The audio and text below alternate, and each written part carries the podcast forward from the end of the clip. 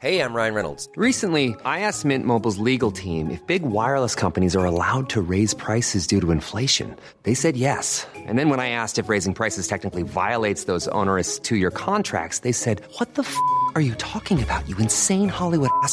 F- So to recap, we're cutting the price of Mint Unlimited from $30 a month to just $15 a month. Give it a try at mintmobile.com slash switch. $45 upfront for three months plus taxes and fees. Promo rate for new customers for limited time. Unlimited more than 40 gigabytes per month. Slows. Full terms at mintmobile.com.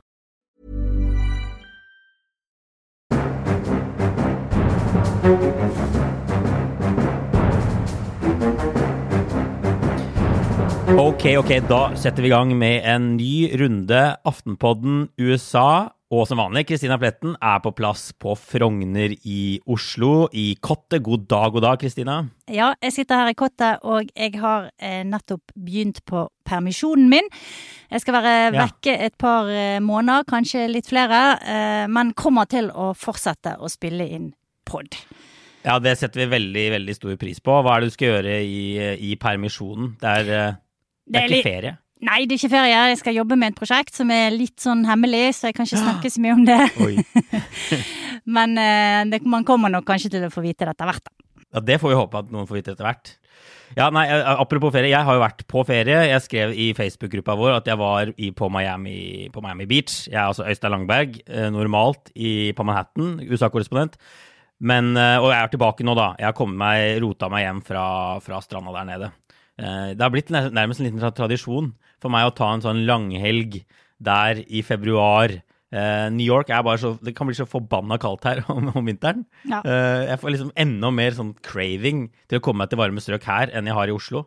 Det høres det veldig glamorøst ut, dette, Øystein. Sånn, åh, Ja, det det- er så slitsomt å være på Manhattan, så jeg må ha noen langhelger på Miami Beach. Stakkars meg. Ja, stakkars meg. Nei, det er, det er eh, kjempe Ja, det er herlig med noen dager der nede. Og denne gangen altså, Noen ganger så uh, treffer jeg litt sånn stang ut når jeg har vært der, og så har det vært midt i spring break, og da er det da er det ganske trøkk på den der stripa som går langs måte, stranda der, eh, Ocean Drive. Denne gangen var det mye roligere, mye mer sånn pensjoniststemning, og det passa meg egentlig, egentlig bra. Ja. Og de har jo laget sånn sykkelveier, og jeg så noen påpekte det. altså Det er, det er blitt skikkelig skikkelig fint der. Mye mindre biler i en del av de gatene rundt der og sånn.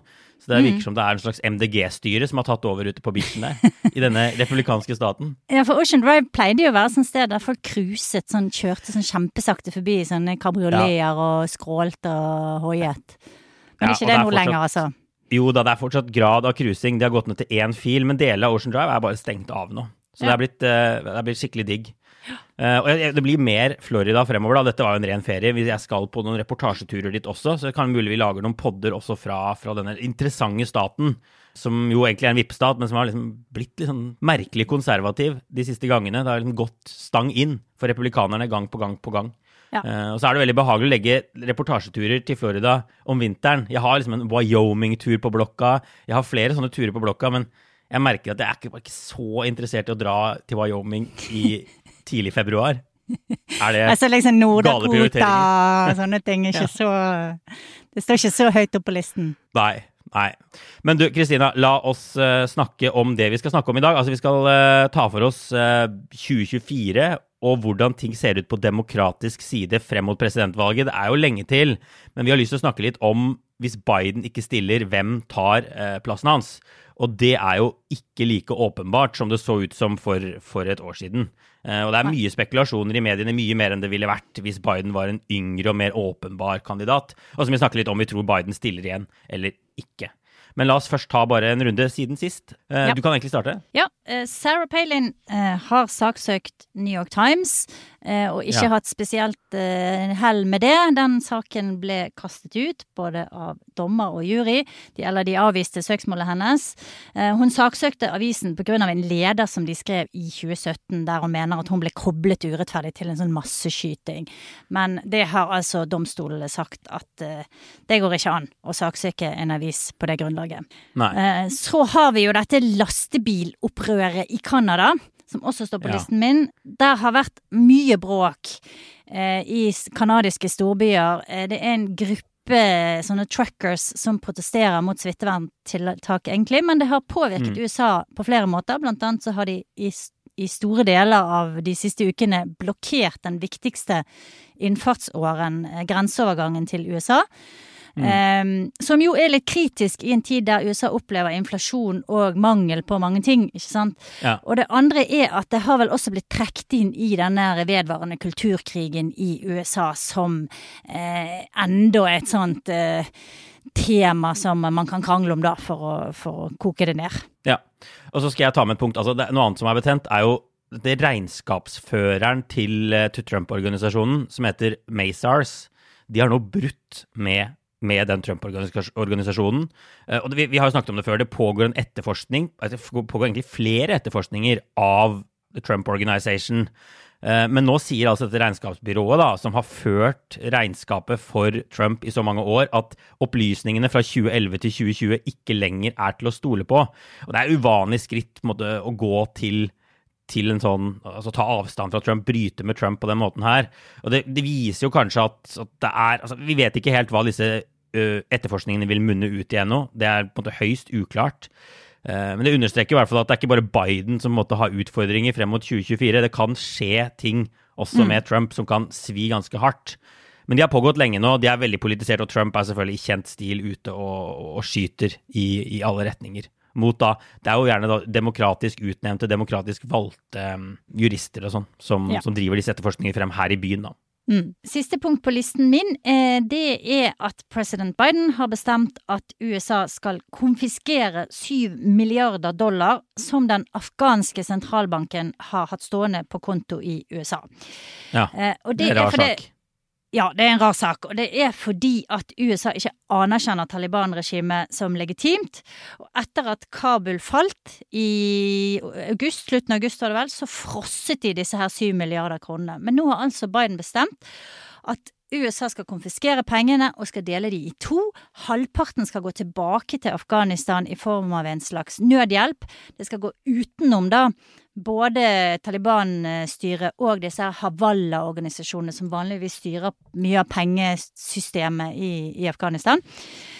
Men den andre halvparten den skal settes til side til en slags erstatning til familier til ofre etter 9-11.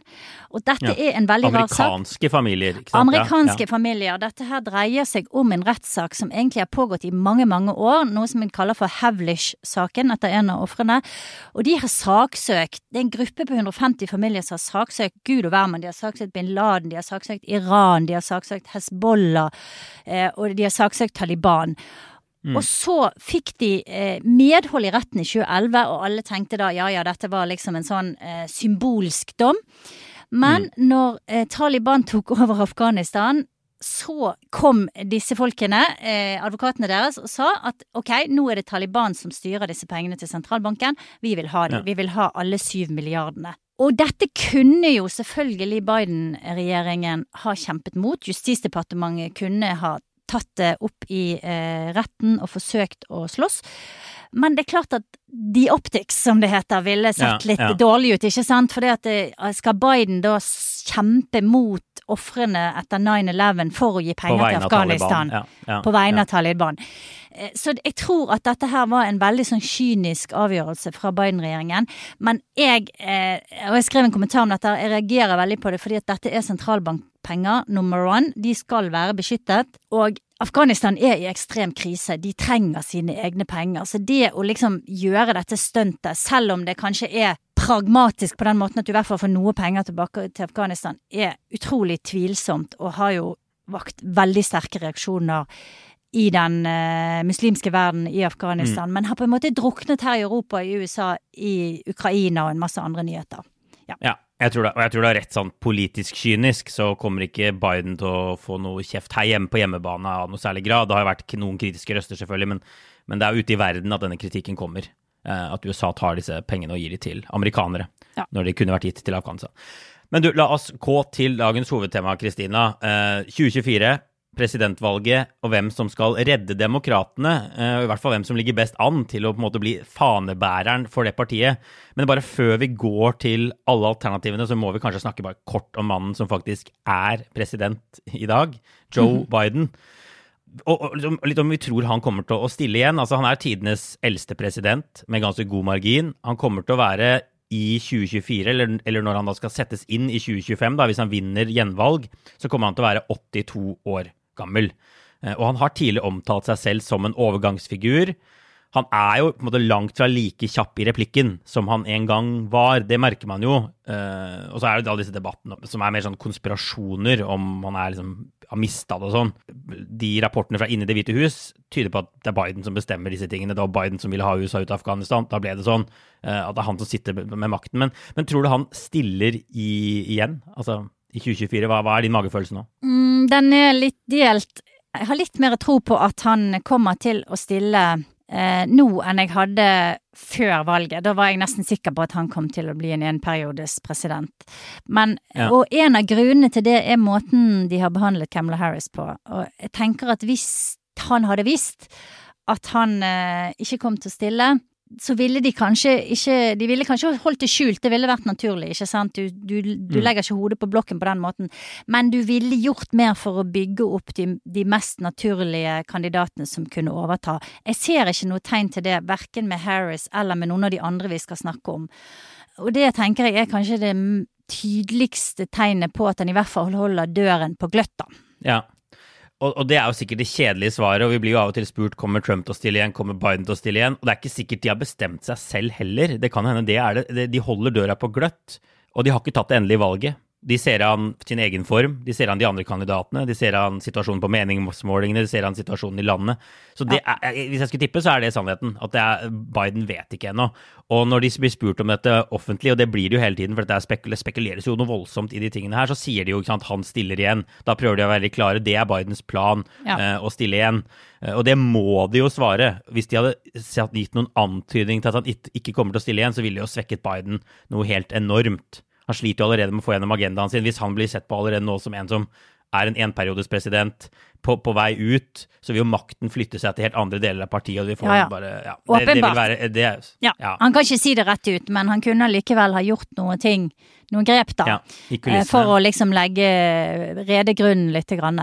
Men eh, det at Biden i 2024 er 82 år, er jo i seg sjøl ganske tankevekkende, da. Vel er han katolikk, og, og paven, paven er liksom fem år eldre, men men dog, altså det er, det er en ganske høy alder å gjøre det som kanskje er verdens mest eh, krevende jobb, og verdens mest ansvarsfulle jobb. Men jeg tror at Biden ser på seg sjøl som kanskje den eneste rette til å gjøre den jobben nå. Det var jo egentlig det han sa nesten rett ut når han stilte sist gang, at uh, han Ja. følte det var sin plikt nærmest, og han måtte komme inn og redde landet og sånn. Så det kan godt hende at han med sitt uh, selvbilde tenker at uh, her er det liksom bare meg som kan, kan stille. Ingen av disse andre er, alternativene er gode nok, da. Så jeg må bare Mm. ta en, en runde til. Ja. Ja, Det, det endrer seg litt fra uke til uke for meg om vi tror han stiller eller ikke, og situasjonen og, og sånn. Jeg, syns det er veldig vanskelig å si, men, men vi tar utgangspunkt i denne poden i at han ikke stiller igjen, Ja. tror jeg vi skal si. For vi, klart, hvis, blir, hvis han blir utfordret av noen på venstresiden, så vil det være en litt annen situasjon, men da har han ganske gode kort på handa som, som sittende president. Det skal mye til før han da blir, blir knekt, på en måte, med en, med en sånn eh, primærvalgsutfordrer. Ja, og jeg tror CNN gjorde en, en meningsmåling her for bare et par dager siden, og der var det ganske mange som sa at de ikke syntes at Biden skulle stille igjen. 51 mm. av demokratisk, eh, demokrater og de som eh, lener mot demokratene, da. Sa faktisk, altså Ja. over halvparten, at Biden ikke burde stille igjen. Så han har jo heller ikke spesielt eh, stor entusiasme bak seg på den eh, måten. Nei, det er ingen- tvil om at han har lav, lav er for at han skal stille igjen, er laber. Jeg tror hvis han faktisk stiller igjen, så har han gode muligheter til å vinne, eh, også med dagens situasjon. Men, men ja, det er ingen tvil om at målinger på målinger viser at de gjerne vil at han skal tre til side, da. Så får vi se hvordan det er om et par år. Men ok, la oss si at Biden ikke stiller. Hvem er det da som står frem som den tydelige demokratiske fanebæreren? Hvem er det som kan gjøre det godt i 2024? Hvem er det som måte, vil vinne primærvalgene? Det er jo to spørsmål som henger sammen her. Og jeg tenker vi kan gå gjennom en del folk. Vi kan bruke mest tid på de mest sannsynlige. Mm. men vi starter jo med den mest sannsynlige av dem alle, visepresident Kamala Harris. Hvis vi går et år tilbake, da, eller da hun ble valgt, så var hun jo på en måte den selvskrevne arvtakeren for, for Biden. Hun har tung erfaring. Hun er på en måte ikke helt sånn i midten av partiet, men hun er heller ikke helt langt ut på venstresiden, så hun kan spille en sånn rolle som kan forene på en måte to fløyer på en god dag. Samle den der mangfoldige koalisjonen til demokratene. Hun er datter av innvandrere selv, ikke sant. Hun er, er vel både asiatisk og amerikansk og svart. Det er jo en stor debatt om det der, men det er, jo, det er det hun kaller seg. Det er det vi kaller henne. Men hun fremstår ikke så selvskreven nå som hun gjorde da. Nei, øh, og det er flere grunner til det, men bare si litt om det du, du sa først, da. At det er Ja. eh, Harris, eh, tror jeg, har både en styrke og en svakhet i akkurat det som du beskriver der. At hun er litt vanskelig å definere. Mm. Folk vet ikke helt hvor de skal putte hun i, liksom, i det politiske spekteret. Og hun, hun er jo både en insider og en outsider, på, på en måte, da. Så Ja. eh, jeg tror at det kan hun gjøre om til en styrke hvis hun gjør de rette grepene. Men hittil så har hun jo vært i ganske mye trøbbel i det første året. En del av det i hvert fall tror jeg er selvforskyldt. Hun har eh, ikke klart å styre eh, visepresidentfløyen eller kontoret på en god nok måte. Det har vært mye bråk og lekkasjer fra staben hennes. Mange som har sluttet. Eh, og det er klart at hun har nok også utfordrere og fiender rundt som tar grep, tar fatt i dette her og tipser journalister og sånn, og det har jo liksom dekningen båret veldig preg av, da.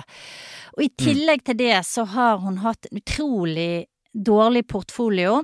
Eh, som Biden har, eh, har gitt henne. Eh, verst var jo dette her med immigrasjon, da vi snakket om før. At hun skulle liksom Ja. være ansvarlig for rotårsakene til immigrasjon, som er bare sånn Skyt meg nå, ikke sant?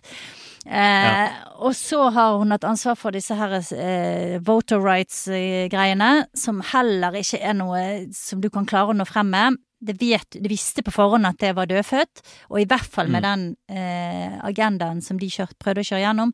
Så hun har på en måte hatt en veldig sprikende og dårlig portfolio. Hvis hun kan få ansvar for noe som er mer eh, Som har en høyere sannsynlighet for å, å, å ha suksess, Ja. og samtidig kanskje få litt bedre grep om, om sine egne folk og sitt eget apparat, da, og lære litt av sine feil, så kan hun fortsatt bli en veldig sterk kandidat om et år eller to, tror jeg. Jeg er enig. Uh, og, og, og bare se på Hun har hatt et dårlig år, det er ikke noe tvil om. Eh, når man ser på disse meningsmålingene, så ligger jo Biden også ganske dårlig an. Men Harris ligger konsekvent et hakk dårligere enn Biden.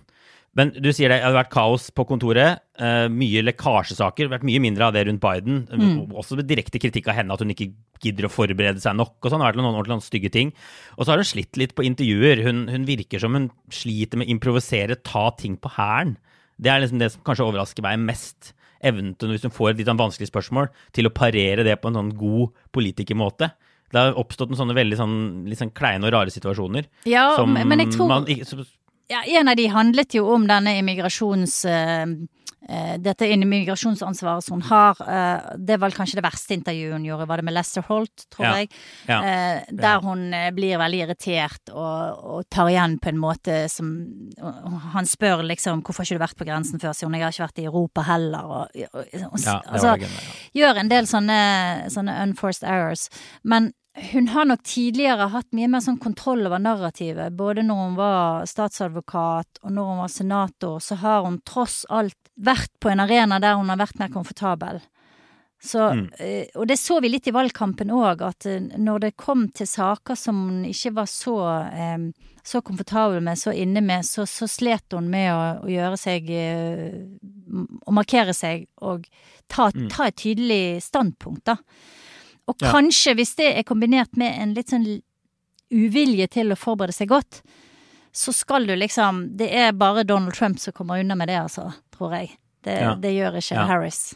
Men på den annen side, det som kan virke til hennes fordel nå, er at veldig mye av dritten er ute allerede. Det er tidlig, og hun har allerede vært igjennom en syklus med veldig mye kritikk. Og det er hun, Jeg tror ikke hun har noen sånne spøkelser i skapet, eller noe svin på skogen som liksom kan overraske. Så sånn sett så kan det bare gå oppover herfra nå, da. Og de må snu narrativet, ikke sant. Det gjør jo ofte mediene. Ja. Så det kan hende at liksom At hun rett og slett har vært litt sånn hell i uhell. At hun har fått, fått ut mye av gørra allerede. Ja. Og, og vi må jo bare si det, det, det, det gjennomføres meningsmålinger av hvem demokratene, demokratiske primærvalgsvelgere, vil stemme på i et primærvalg, og der gjør Kamala Harris det klart best så lenge Joe Biden og Bernie Sanders ikke er med på de målingene.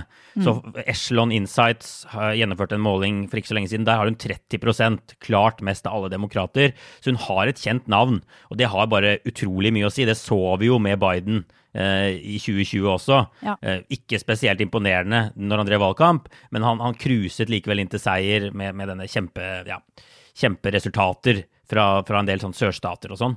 Eh, og så er det sånn at Når man er visepresident, så, så, har man historisk sett et godt grep om nominasjoner. Det er ikke sikkert man blir president, men det er veldig veldig mange av de som har endt opp som sine partis eh, kandidater etterpå. Joe Biden er jo bare det siste eksempelet. Al mm. Gore et annet eksempel. George H.W. Bush var det. Richard Nixon var det.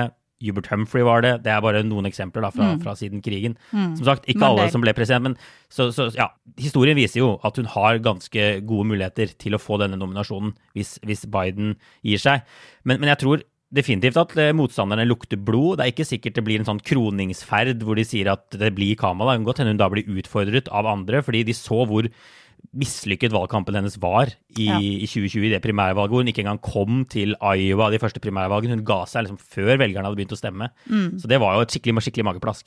Ja, og der var det jo blant annet søsteren som var med å drive den valgkampen. Eh, og det var også etter hvert mye lekkasjer om at det ikke var ordentlig eh, at den ikke har styrt godt nok da, og tydelig nok. Og det er egentlig de mm. samme klagene som kommer frem nå om eh, visepresidentkontoret eller avdelingen det hun trenger, tror jeg, da, er jo at eh, Biden sine folk og de der eh, beste eh, strategene hos demokratene må ta fatt i henne og må hjelpe henne liksom opp av gjørmen og si at ok, vi satser på deg, her er det du må gjøre, du må høre på oss. Og hvis hun da er villig til å mm. gjøre det, så kan det kanskje gå veien. Men ja. jeg tror hun har en ganske har jobb å gjøre, og er litt sånn usikker på om hun har selvinnsikt nok og vilje nok til å gjøre det. Jeg trodde ærlig talt at hun var eh, en mye bedre kandidat enn det hun var. Men eh, nå er mm. jeg veldig usikker. Ja. La oss gå til nestemann på lista, da. Han som seiler opp som Harris sin hovedutfordrer, Pete Buttigieg. Han er nå transportminister. Han ble hentet inn i, i Bidens regjering. Eh, tidligere ordfører ikke sant, i South Bend, Indiana, en sånn døende industriby. Han gikk jo da Han stilte jo i, i Demokratenes primærvalg sist eh, med det mange mener var på en måte veldig lite politisk erfaring. Det er veldig uvanlig at en ordfører fra en liten by, eller en semiliten by, har guts til å stille i et, i et valg mot, eh, altså i et primærvalg mot mm. så tunge kandidater som han hadde, da, Bernie eh, Sanders, eh, Joe Biden og sånn. Eh, men, men vi kan jo ta litt mer. altså Buttigieg han er altså gift med en mann. Chaston Buttigieg. De har jo blitt et litt sånn kjent par i USA. Mm. Eh, litt, av en, litt, av en, CV. Han tjenestegjort i Forsvaret, eh, gått på Harvard, jobbet i McKinsey. Han snakker en haug med språk. Blant annet har han lest Erlend Loe på norsk. Det, det, jo, det varmer jo eh, norske hjerter. Og så har han, vel, vi må kunne si, litt betydelige talegaver.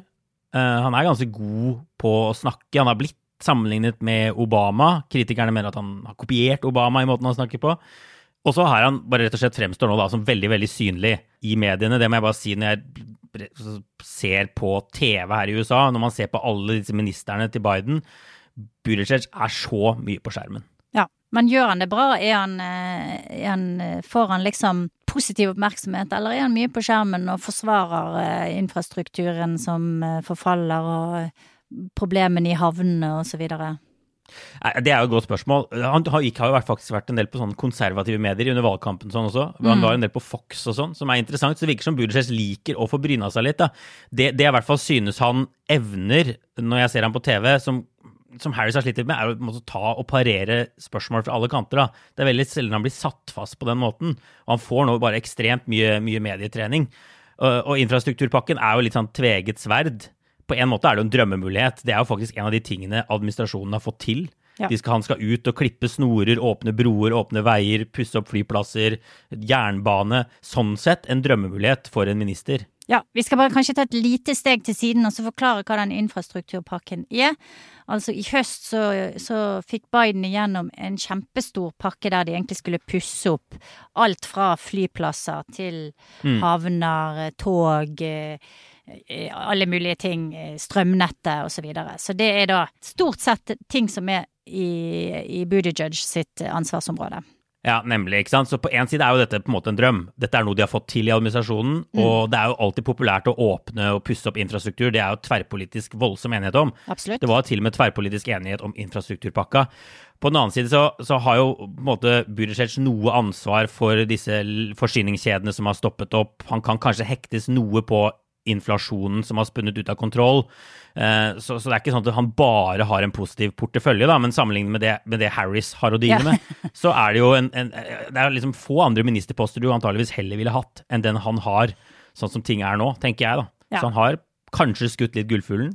Og så ser jeg jo at folk setter de to litt opp mot hverandre. De har liksom mm. allerede begynt å skape en sånn fortelling om at dette er et race mellom Harris og Buttigieg. Han var jo utrolig karismatisk, flink.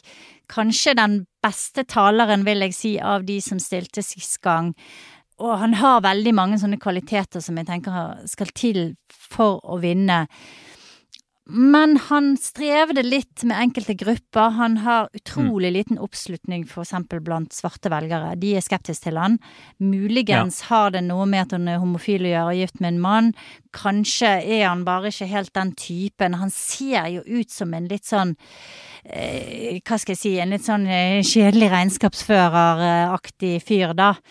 Så han, ja. han, er jo på en måte sånn Fremtoningen hans er veldig hvit. Veldig sånn Middle America, white man, selv om han er, er homofil, da. Så mm. han, han, han, har kanskje ikke helt den der eh, store personligheten som en Trump eller en Obama. Eh, Nei. Eller en Bill Clinton eller en Ronald Reagan har, ikke sant. Han mangler kanskje Nei. liksom et par hakk der. Ja. Det er ingen tvil om at han er en stor nerd. og jeg har sett Det har blitt laget en dokumentar om valgkampen stor hans. Stor nerd var egentlig det jeg mente å si. I, i, det er laget en dokumentar om den valgkampen, altså primærvalgskampen i ja, 2019-2020 uh, som heter Mayor Pete, som er mulig å gå an å se på norsk òg. Den er ganske fin hvis man er interessert i sånn politiske dokumentarer av den typen. Man kommer litt bak kulissene, ser debattforberedelser og sånn. Og mm. ja, han fremstår som, som, en, som en, stor nerd der. Han slet med svarte, uh, å få med seg svarte under valgkampen sist. Han sliter fortsatt på målingene, har jeg sett nå. Altså, det er ikke no, ikke noe tegn til at han får med seg svarte nå heller. Det har jo Harris mye mer av på disse primærvalgsmålingene. Vi får bare si at han ligger sånn som nummer to når, når, når, Bernie Sanders og Biden ikke er med. Så er det Harris som leder stort sett på disse målingene, og så er det, er det Buttigieg som er nummer to. Så det er ikke noe feil å omtale han som en hovedutfordrer. Og jeg tror mange er enige om at han gjorde en veldig god valgkamp sist i 2019-2020. Han ja. kom fra ingenting. Og, og, og, jeg har sett noen argumentere for at han holdt jo nesten på å vinne. altså Hvis ting hadde gått litt annerledes, så kunne han vunnet. Han vant jo faktisk Iowa, eller det er jo litt debattert, da, det var jo bare et kaos uten sidestykke. Litt uflaks også for, for mm. At han ikke fikk med seg den voldsomme oppsvingen det kunne gitt med en tydelig sånn seier på valgnatt Iowa. Han gjorde det egentlig ganske bra i New Hampshire, ble nummer to rett bak Bernie Sanders. Uh, mm. der, og, så, og så rakna det litt når han kom til stater med mer mangfold da, Nevada og South Carolina og sånn. Altså, Iowa New, New Hampshire er superhvite stater ja. uh, der han vil gjøre det godt, da. Men jeg har ja. sett at noen vil at de to skal liksom istedenfor å kjempe mot hverandre, så skal de stille sammen. Harris og Buttigieg. Med Harris, ja. ja. Harris som president og Buttigieg som, som visepresident. Det, ja. Kunne jo kanskje vært en ganske sterk eh, ticket, da. Ja. Altså, jeg tenker, Når jeg ser den dokumentaren, så tenker jeg at noe av det sterkeste med som altså, kanskje det kommer jo frem av og til, men kanskje ikke så tydelig fram. da Han fremstår mer som en nerd, men han har en veldig sånn, sterk personlig historie. Uh, han kom veldig mm. sent ut av, av, skapet. Han snakker litt om det i dokumentaren. Han sier at han slet, altså han hadde betydelige kvaler med hvem han var. Uh, han sier i den dokumentaren at i store deler av livet det har vært sånn at han kunne skåret ut den delen av på en måte sjelen, kroppen, som var homofil, så hadde han tatt en kniv og gjort det i løpet av sekunder. Altså, det er veldig sånn brutalt. Så det, det er også en sånn Han forsøker å få sin egen identitetskamp da, til å rime overens med på en måte andre typer amerikanere som har opplevd tøffe ting. Så, så, der har han et eller annet å jobbe med som, som, folk kan kjenne seg igjen i, som er interessant. Men altså, tror du det er, er, det mulig? Kan USA velge en homofil president, tror du, i 2024? Er det, er det tenkelig? Eh, jeg er litt usikker i 2024. Eh, jeg tenker at jo lenger frem i tid vi ser, jo mer sannsynlig er det. For det der er veldig aldersavhengig mm. hvordan folk ser på homofili og homoekteskap. Og det er jo en av de sakene der eh, opinionen virkelig har endret seg radikalt Ja. på liksom 10-15 år, da. Eh, Det hadde vært utenkelig i 2004, eller til og med i 2008. Men Buttigieg er jo eh, Han er vel millennial? Fra Ja, er millennial-generasjonen. ung. så sånn, Ja. ja, han er ung, han er vel rundt 40. Så eh, sånn sett så tror jeg at han eh, kan treffe veldig mange unge velgere, og kan være en sånn kanskje litt sånn samlende skikkelse for nye generasjoner, da. Og at det kan kanskje være et større løft enn det det er liksom en, eh, en eh, negativ side at han er gift med en mann. Så, eh, så jeg tror alderen hans kanskje er sånn sett nuller det litt ut. Ja. Det blir spennende å se og følge Buttigieg videre og se om han har litt liv på målingene, om det blir enda mer liv i de målingene, om han kan nærme seg Harris f.eks. Da kan det bli en uhyre spennende, spennende kamp fremover. og Det er absolutt mulig at han da tør å utfordre henne. Han har i hvert fall vist at han har enorme ambisjoner når du er ordfører og stiller som presidentkandidat. Da, da har du tro på deg selv. Ryan Reynolds here from Mint Mobile. With the price of just about everything going up during inflation, we thought we'd bring our prices down. So to help us, we brought in a reverse auctioneer, which is apparently a thing. Mint Mobile unlimited premium wireless. Ready to get 30, 30, bit to get 30, bit to get 20, 20, 20, bit to get 20, 20, bit to get 15, 15, 15, 15 just 15 bucks a month. So, Give it a try at mintmobile.com slash switch. $45 upfront for three months plus taxes and fees. Promo rate for new customers for limited time. Unlimited more than 40 gigabytes per month. Slows. Full terms at mintmobile.com. Ok, la oss snakke litt om, om venstrefløyen, da. Vi må først snakke om Bernie Sanders. Uh, han er jo da enda eldre enn Biden. Han vil være 83 år idet man går inn i neste valg, og han har gått langt i å si at han ikke stiller igjen. Han hadde jo faktisk et hjerteinfarkt sist under valgkampen. Stemmer, det hadde jeg glemt. Uh, hvis det har folk glemt. Det Ja. var jo, ja. Så, så, så, så, så det tyder jo på at Bernie ikke kommer til å stille igjen. Mm. Det gir jo også ganske mye mening. Ja.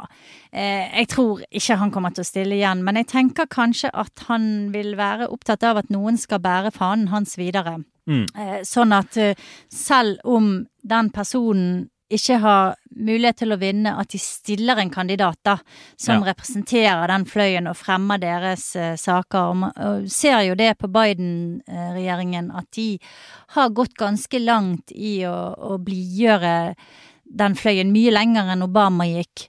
Så sånn sett så har de fått mye makt, og jeg tror nok Sanders vil være en, eh, en faktor, selv om han ikke stiller i en faktor i kulissene, liksom. Helt, helt åpenbart. Og da er det jo spørsmålet hvem som fyller den, den måte, hva skal vi kalle det, den, altså venstrefløyens plass, tar Sanders plass. To damer det snakkes en del om. Det ene er jo Elizabeth Warren, og det andre er Alexandria Ocasio-Cortez. Elizabeth Warren er altså senator fra Massachusetts. Alexandria Ocasio-Cortez er da kongresskvinne, vesentlig yngre da, fra, fra New York, min, eh, min nåværende hjemby. Hvis vi tar AOC, da, som hun kalles først, hun, er, hun var ikke gammel nok, hun har ikke kunnet stille før. Hun er knapt gammel nok til å stille neste gang. Hun, er en sånn, hun blir 35 år rett før valget, som er aldersgrensa for å stille som presidentkandidat i USA. Ja. Det er ingen øvre aldersgrense, men de har merkelig nok innført en nedre aldersgrense. Man, det kan man jo, det er, det er en annen, annen pod. Uh, hun har noe oppslutning på målingene, på disse primærvalgsmålingene, liksom signifikant mer enn null. Jeg så Echelon, som jeg har vist noen ganger, nå hadde henne på 5% for eksempel. Eh, veldig sånn rå i sosiale medier, en synlig dame, men også veldig tydelig plassert på, på venstresiden. Kanskje mindre bred appell enn Bernie har, eksempel. Ja, og eh, altså, jeg tenker at eh, hun kan nok eh, Hun kan nok være med å motivere en del unge velgere, og sånn sett kunne hun kanskje vært nyttig som en slags sånn der eh, hare i valgkampen, da, at hun liksom dro i gang eh, farten. Men for henne selv tror jeg ikke nødvendigvis at det hadde vært noe smart trekk. Jeg tror at eh, det, Mange snakker jo om at hun kanskje skal utfordre Schumer eh, til senatsplassen. Eh, Ja, for det, så- hun er altså kongresskvinne nå, mens veldig mange som stiller nå. som presidentkandidater, er jo senatorer som ses på som en tyngre jobb. Og den er Chuck Ja. Schumer som har i New York, den kongressplassen. Han er jo Ja. altså majoritetsleder i Senatet, veldig sånn tung senatsjobb Ja. Så spørsmålet er om hun prøver å ta setet hans, det har det vært debatt om. Så det er kanskje, før hun stiller som president, så bør hun kanskje i hvert fall ha en, den sånn senatsposisjon, tenker du? Ja, jeg tenker eh, en eller annen litt mer eh, Litt større posisjon enn det hun har nå. Nå er hun Ja. på en måte en litt sånn newbie i Representantenes hus, ikke sant? Ja. Representerer Queens og Bronx der. Men jeg tror at det å bli guvernør, eller å bli, vinne et senatsvalg, eh, vil løfte henne til et annet plan. Hun har god tid. Hun er, som du sier, knapt eh, 35 år når dette valget skjer. Så jeg kan ikke se helt hvorfor hun skulle gjøre det for, for sin egen del, da. Hvis, om ikke det var fordi at liksom hun ble bedt av, eh, av Sanders til å gjøre det, og eh, følte seg litt sånn kallet. Ja. Men det høres ut som da kysten er klar for et Elizabeth Warren-comeback som presidentkandidat. da. Hun stilte jo også i 2020 i primærvalget. Det var en stund hun ledet på målingene, og det var veldig mye buzz rundt Warrens kandidatur, før på en måte Biden tok henne igjen og Sanders føyk forbi henne og sånn. Hun har ikke så mye tid som Alexandria Ocasio-Cortez. Hun er midt i 70-årene i 2024. Hun har en sånn mellomposisjon. Hun er ikke på en måte Eller eller er vanskelig å plassere henne, kanskje.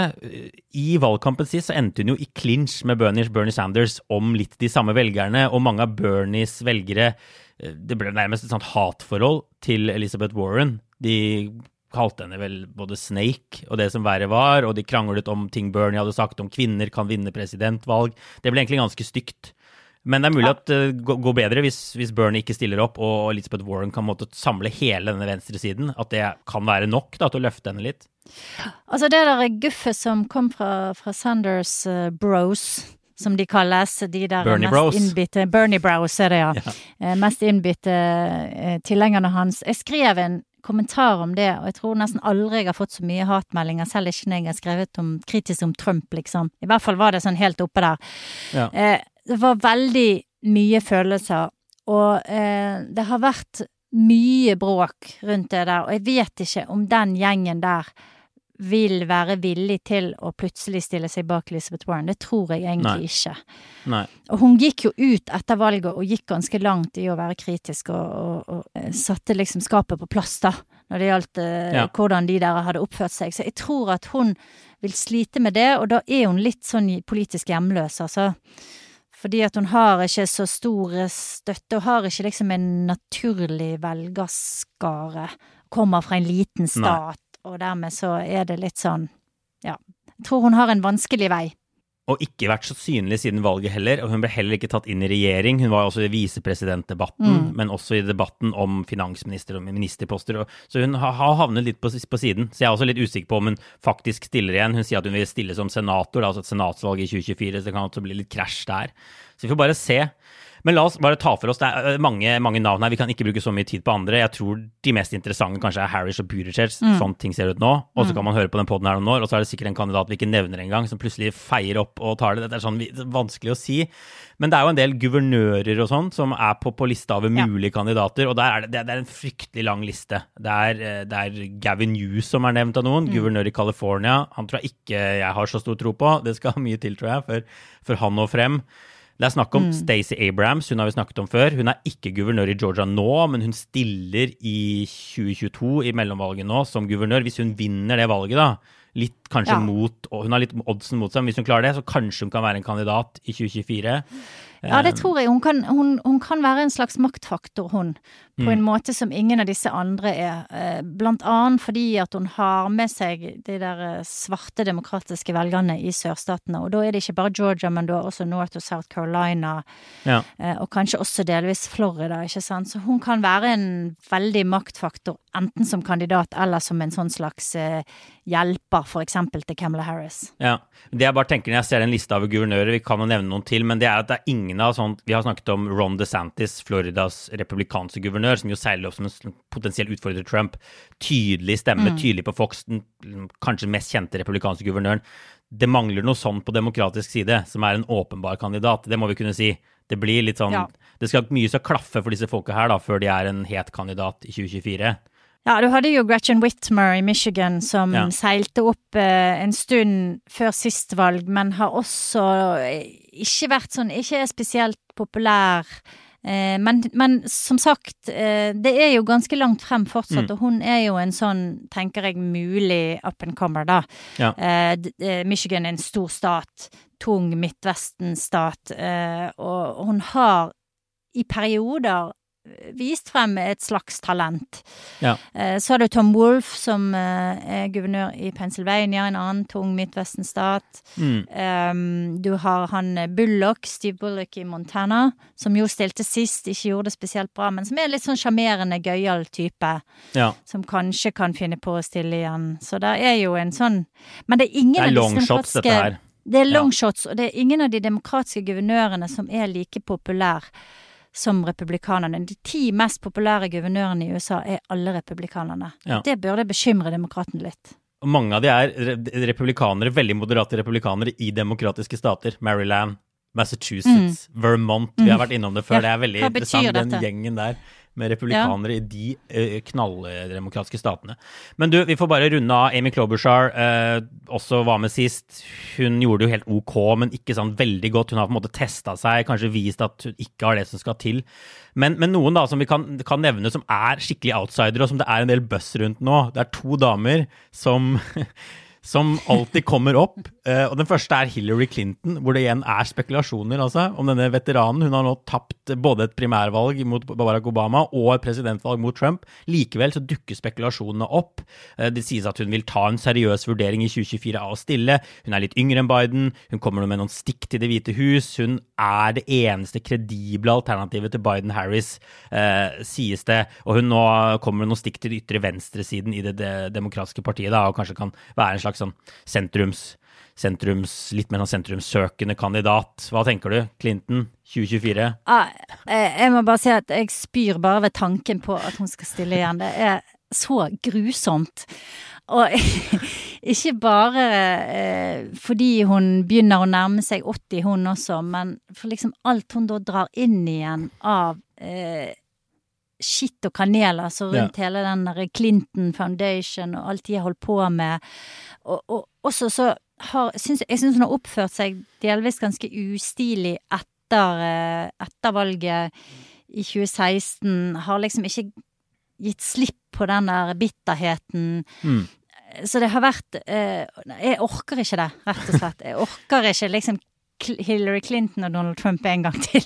Det bare, det går ikke. Rematch av Det syns jeg folk skal få slippe. Ja, Jeg syns folk skal få vi slippe det. Og jeg håper inderlig at noen under 70 år seiler opp etter hvert. Altså, det, det må bare amerikanerne ta fatt i. Så hva da med en eh, Michelle Obama? Altså, hun gjør det ekstremt godt på meningsmålinger. Alle disse primærvalgsmålingene hvor hun nevnes eller er med, så, så slår hun, hun I hvert fall hun slår Biden i de jeg har sett. Hun banker Harris og Buttigieg hvis man setter de opp mot hverandre i en duell, altså Michelle Obama versus Harris, Michelle Obama versus Buttigieg. I, det er disse Echelon Insight-pollene, meningsmålingene. Uh, hun er en veldig populær dame, veldig bred appell, ikke sant? Hun er uh, Ja. Men så har hun samtidig sagt liksom, gang på gang jeg liker ikke politikk, jeg kommer ikke til å stille. Og jeg kjøper det litt når Michelle Obama sier at hun, hun går vel langt til å si at hun hater politikk, faktisk. Ja. Men altså, her snakker vi da om to kvinner som har vært gift med presidenter. Ja. Og dette her er jo sånn som man holder på i bananrepublikker og i land som ikke er liksom utviklet, så er det konen eller datteren eller sønnen til presidenten som overtar, ikke sant. Det, det, det hører ikke hjemme i et land som USA at man en gang skal stille spørsmål Nei. om Michelle Obama er en god presidentkandidat. Jeg forstår ikke hvorfor de en gang tar det inn i meningsmålingene, liksom. Jeg synes, jeg, nei, det er bare Folket La oss få det. slippe. Folket vil ha det. En, vi har snakket om Joe Rogan, podkaststjernen. Veldig vanskelig å plassere politisk. Han sa rett før jul at han gjerne vil ha Michelle Obama som president. Hun er intelligent, artikulert, og hun er vært kona til den beste presidenten vi har hatt i vår livstid. Så klart, hvis du har Joe Rogan, Rogan på laget ditt, så da er det jo, Ja, ja, da er det jo veien til Det hvite hus eh, åpen. Jeg tror, jeg tror jo Ja, ja, men. Noen ville jo sikkert mange folk som ville stemt på Joe Rogan også, Ja, ja, sikkert ja. 50 millioner mennesker, og, eller Oprah, eller, Eller you name Rogan it. Altså. og Rogan Obama-ticket. der Michelle Obama og Rogan-ticket. Det tror jeg vil være uslåelig for eh, i USA, altså. Faktisk. Men ok, greit. Dette, nå, nå har vi spekulert oss litt vekk, men vi er ikke mer vekk enn dette. Det er seriøse spekulasjoner i amerikanske medier. Wall Street Journal hadde en, en kronikk her om dagen om, om eh, Hillary Clinton og sånn. Men nå får vi bare se. Eh, jeg tror jo Harris og Buttigieg er de det kommer til å være mest snakk om fremover, uansett.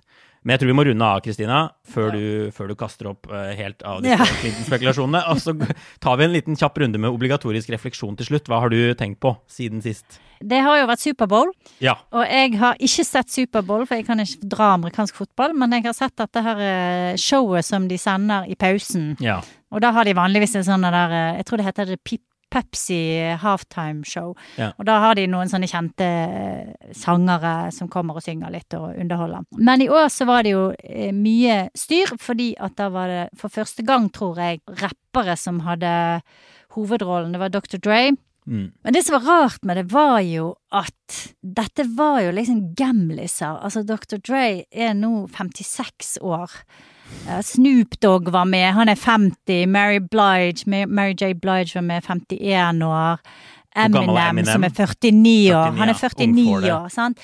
Så det var litt sånn Og så sang de sånne, eller de rappet sånne der sanger fra 20 og 25 år tilbake i tid. Og det var, jeg syns det var grådig rart. Jeg ser det har fått masse bra kritikker i USA. Folk syns det var helt topp. Mm. Men jeg syns det var litt rart at, ikke, at liksom Når de først endelig etter alle disse årene henter de inn, så, så, så kommer de liksom med, med 20 år gamle sanger av Eminem, da. Ja. Men Dr. Dre sa 'it's crazy, it took all this time for us to be recognized', så det er vel kanskje, kanskje noe i det. Og så var det jo i LA, så det var liksom bare nærmest et steinkast fra Compton, der eh, Dr. Dre eh, er vokst opp, så kanskje det var liksom passende. Og så var det jo da dette her, sant? Det har jo vært denne debatten om eh, svarte i fotballen og denne knelingen. Colin, eh, Colin Kaepernick som drev og knelte når de spilte nasjonalsangen. Eminem, den eneste hvite Ja. på scenen, han eh, tok en ny. Han knelte eh, mot slutten, så det har vært litt sånn Det har vært litt kritikk mot det også. ja. Men eh, i bunn og grunn, ja, det er verdt å se det. Det var litt gøy. Men jeg tenker at det er mest gøy for så, sånne som meg, da. Som jo er på alder med de som sto på scenen. Og kanskje ikke så gøy for, eh, for yngre folk. Jeg vet det er ikke. jo sanger fra min ungdom òg, da. Som jeg er 34. Så jeg, jeg syns det er verdt å gå inn på, på Din hvis man ikke har sett unge ungdom. og se alle disse folka samla på ett brett på stadion der. Jeg tror det var, eh, ja, det var bedre seertall enn en sist. Og det, eh, ja, verdt. verdt Ja, og sånn hver for seg så er de jo veldig kule, sant. Det er Ja. jo Mary J som er liksom Jeg har sett henne her i Oslo. Mm. Er fantastisk. Og Kendrick Lamar, Ja. eh, den yngste, han er bare 34 år, også fra Compton for øvrig. Han, eh, han er jo, hvis folk ikke kjenner til han, så er det absolutt verdt å høre litt på Kendrick Lamar. Veldig kul. Ja. Så ja, det var dagens uh, rappeanbefalinger Dagens fra rap. Kristina 53. Jeg skal ta oss mye lenger tilbake i historien til min eh, guilty pleasure. Eller eh, nei, altså det, Jeg føler meg guilty når jeg ser på det, men jeg er fortsatt usikker på om det er en pleasure. Jeg, dette er altså Gilded Age, som nå er denne nye oh, serien. ja, den ser jeg på. som er laget av han samme som har skapt Downton Abbey. Nå er vi i Mm. USA, vi er ikke i Storbritannia. Vi er i New York på slutten av 1800-tallet, i det som kalles Gilded Age. Siste, siste 30 årene av 1800-tallet, egentlig. Eh, Rike familier på Upper East eh, Side i New York, som dette handler om. Veldig sånn spennende epoke i amerikansk historie. Mass, kraftig økonomisk vekst, jernbaneutbygging, industrialisering, voldsom innvandring. Eh, USA passerer kanskje Storbritannia her, eh, tar mer og mer rollen som verdens ledende stormakt. Eh, Du har navn som Carnegie, Rockefeller, Vanderbilt, JP Morgan.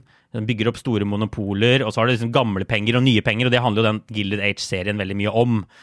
Og så må jeg bare si at det er veldig likt Downton Abbey. Det er, kan, altså det er de samme rollene omtrent. Eh, samme tjen, er tjenerskapet nede, og så er det de rike oppe, og lignende konflikter og sånn. Mangler kanskje litt av den Downton Abbey-skjermen. Det har fått ganske hard medfart av kritikere, i hvert fall her i USA.